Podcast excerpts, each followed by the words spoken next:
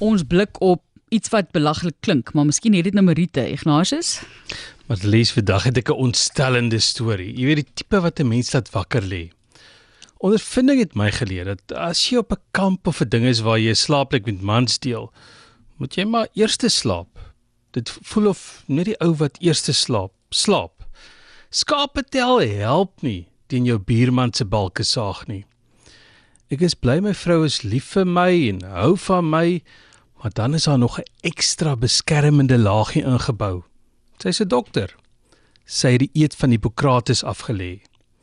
Diep in die donker nag, moet dit tel vir iets. 'n Elmboog in die ribbes is nie so erg soos wat in Philadelphia FSA afgespeel het nie. 'n Man het sy buurman doodgesteek oor snork.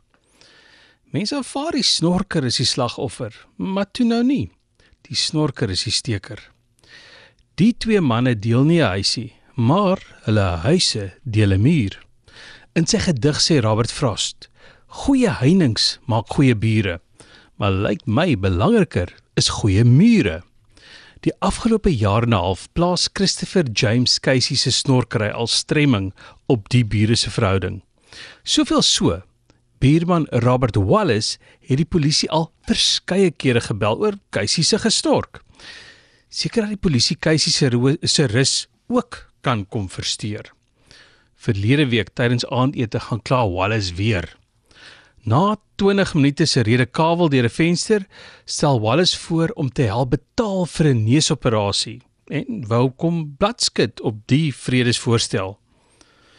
Casey was nie oortuig nie vertrou nie die vrede nie en besluit om Wallace te verras met 'n mes in die bors. 'n Tekort aan slaap is 'n lelike ding, Martelies. Jy dink nie meer reguit nie. Nou wonder ek of daardie Hippokrates eet net vir pasiënte is. My vrou wil my altyd na 'n ander dokter toe verwys.